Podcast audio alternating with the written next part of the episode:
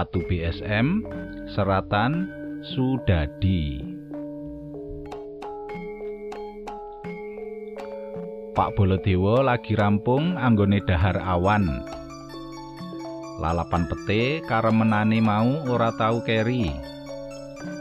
Sambel terasi sing ngancani.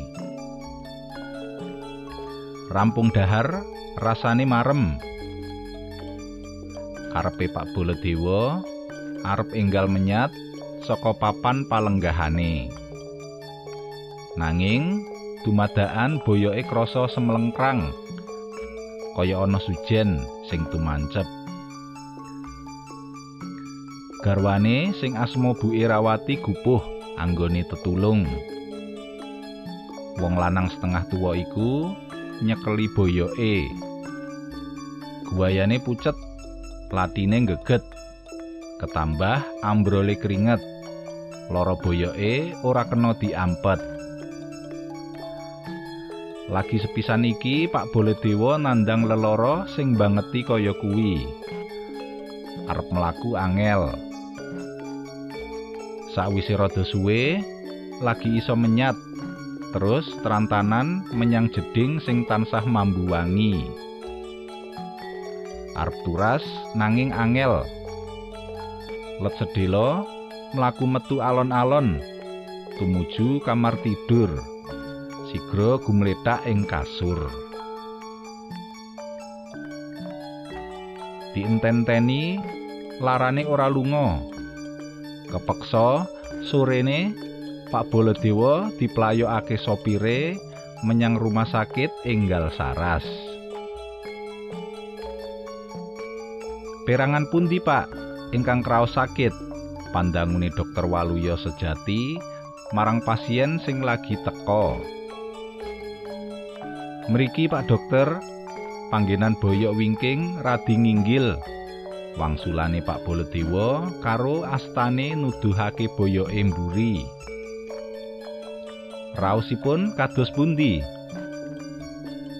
Sekawit kados sarip ingkang boten saged medal dangu-dangu saya sakit ngenceng lan boten kiat kula ampet. Ajeng kangge mlampah ewet sanget.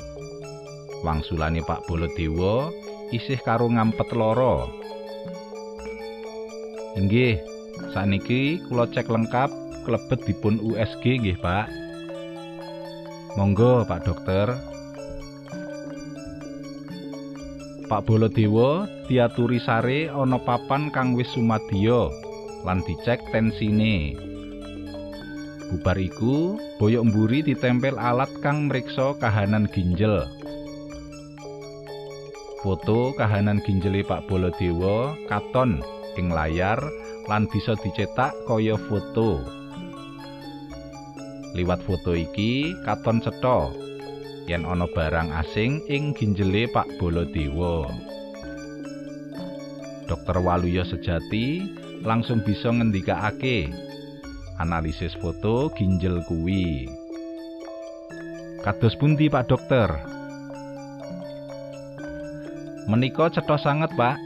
Gambar layar USG niki ngetingalaken kawontenan ginjel panjenengan. Ketingal wonten watunipun andarane dokter Waluyo sejati karo nuduhake foto ginjel ing layar USG. Lajeng kados pundi Pak Dokter? Cobi kula zoom gambar niki. Hmm, kados dereng patos ageng. Insya Allah saged medal mawi ngunjuk obat-obatan. Kula serat resepipun lajeng tumbas obatipun wonten apotek Saras Sejati. Inggih Pak Dokter. Penyakite wis ketemu. Penggalihe Pak Bolodewo lega. Analisis dokter nuduhake yen watu ginjele durung gedhe. Mula mung diparingi ramuan obat. Pak Bolodewo enggal didherekake sopire tumuju apotik Saras Sejati. Sawise resep diaturake apoteker lan nunggu sedhela, obat wis ditampa ana astane Pak Baladewa. Wujude kapsul gedhe-gedhe sing rupane soklat enom. Ambune kaya jamu. Obat iku kudu diunjuk sedina ping telu. Sawise rampung butuhe, Pak Baladewa enggal ngeblas mulih. Dokter Waluya sejati kondang analisise pas. Wis akeh pasien sing kasil diobati dening dokter sing isih enom iki. Lara ginjele Pak Baladewa dhewe wis wiwit nuduhake tanda-tanda mari. Sawise ngunjuk obat sing wujud kapsul coklat enom iku, Pak Baladewa terus wae turas. Sewengi bisa kaping telu. Tur turase akeh. Telung dina sakwise ngunjuk kapsul resepe dokter Waluya sejati, Pak Baladewa krasa ana barang kang bakal metu saka anggane. Rasane panas, pedes, ora bisa diampet. Sidane Pak Baladewa dadi rubungan keluargane. Ing kahanan kaya kuwi, Bu Irawati enggal-enggal merintahake sopire ngupadi dokter Waluya sejati kaaturan rawuh ing daleme. Nalika dokter Waluya sejati rawuh ing daleme Pak Baladewa rasa lara sing ora bisa diampet wis ilang. Nalika iku katon ana barang cacah limo kang metu saka anggane Pak Baladewa. Sing siji gilik dawa siji meneh bunder rada gedhe. Siji meneh gilik dawa. Lan loro meneh bunder cilik-cilik. Sakwise watu cacah limo iku metu rasa semelengkang kang ganjel ing boyok wiwit ilang. Pripun Pak Baladewa? Mpun sae. Pandangune dokter Waluya sejati sae Pak dokter. Nanging niki kok medal watunipun? Gek wonten gangsal kadosipun. Cobi kula tak ningali. Menika Pak. Dokter Waluya sejati terus ngumpulake watu-watu mau. Lan diothak-athik posisine nganggo dom. Watu gilik dawa bunder rada gedhe watu gilik dawa meneh terus bunder cilik-cilik cacah loro nalika diothak-athik watu-watu mau bisa mbentuk konfigurasi angka 10%. Dokter rada gumun nyumurupi kasunyatan iki. Panjenengane terus maringake watu kang dipapanake ing cepuk iku ana ngarsane Pak Baladewa. Menika wonten ingkang aneh, Pak Baladewa. pangandikane dokter Waluya sejati. Menapa Pak Dokter? Watu-watu wau jebul saged ndamel konfigurasi angka sedasa persen. Menika menapa werdinipun Pak? Pak Baladewa ora bisa wangsulan. Wangsulane mung disimpen ing sakjerone ati. nyuwun ngapunten. Pak Baladewa leres dados kepala sekolah nggih. Nggih, Pak Dokter. Napa nate nangani proyek-proyek pembangunan sekolahan? Nggih, sok-sok Pak Dokter. Semester wingi sekolah kula nampi proyek pasang keramik kangge ruang lan tembok kelas. Nggih lumayan. lumayan menapanipun lumayan pembangunanipun Pak Dokter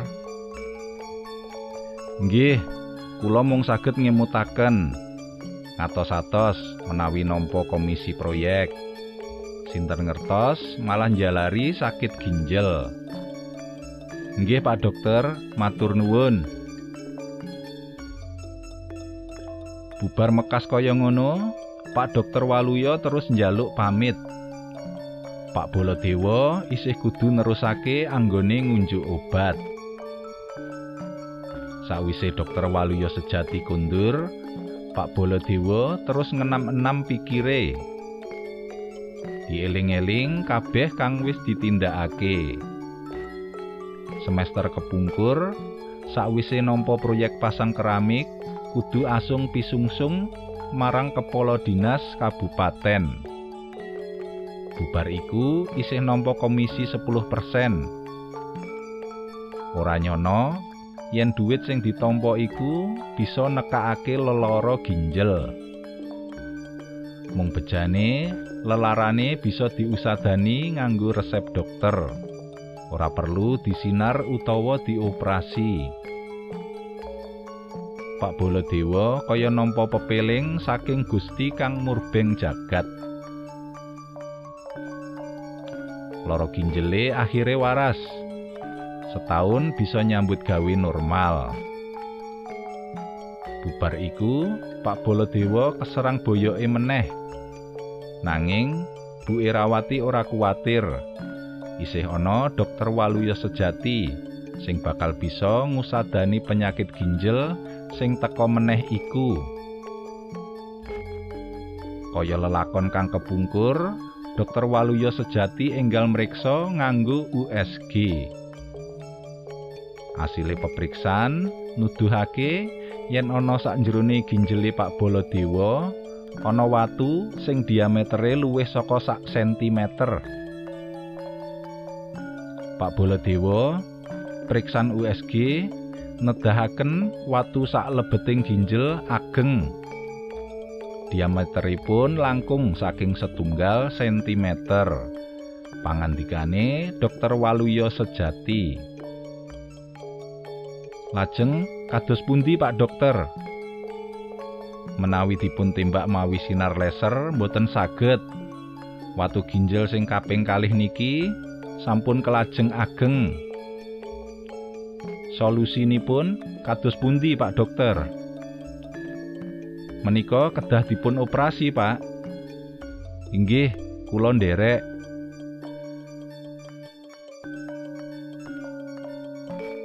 Rumah sakit Enggal Saras wis duwe fasilitas kang komplit.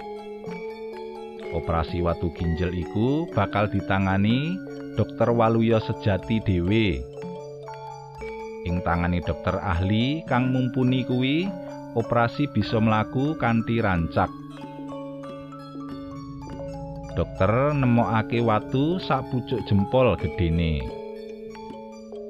Bisa dibayangake kaya ngapa larane yen watu sing sakmono gedene mondok ana jero ginjel Sawise dirawat sawetara wektu Pak Baladewa dikeparengake kundur ninggalake rumah sakit Enggal Saras Watu asile operasi iku uga banjur digawa kundur ana omah akeh tepungan tangga lan sedulur kang niliki. Saben-saben kang tilik mesti nyumurupi watu sak jempol mau.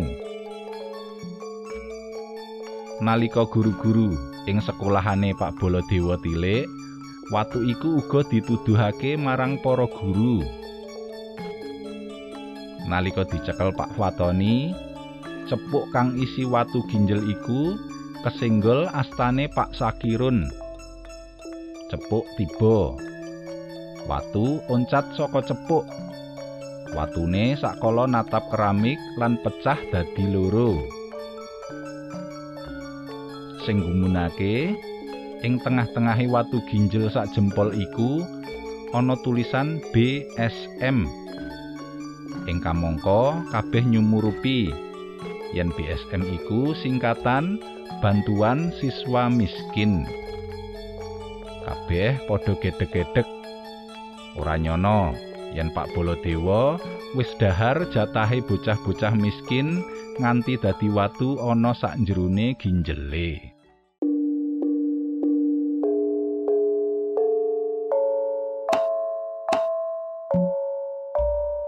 Inggih makaten para pamiarsa, waosan cariyos watu BSM seratan Sudadi. Kapetik saking kalawarti panyebar semangat nomor sekawan doso songo tanggal 6 Desember kali hewu sekawan welas. Matur nuwun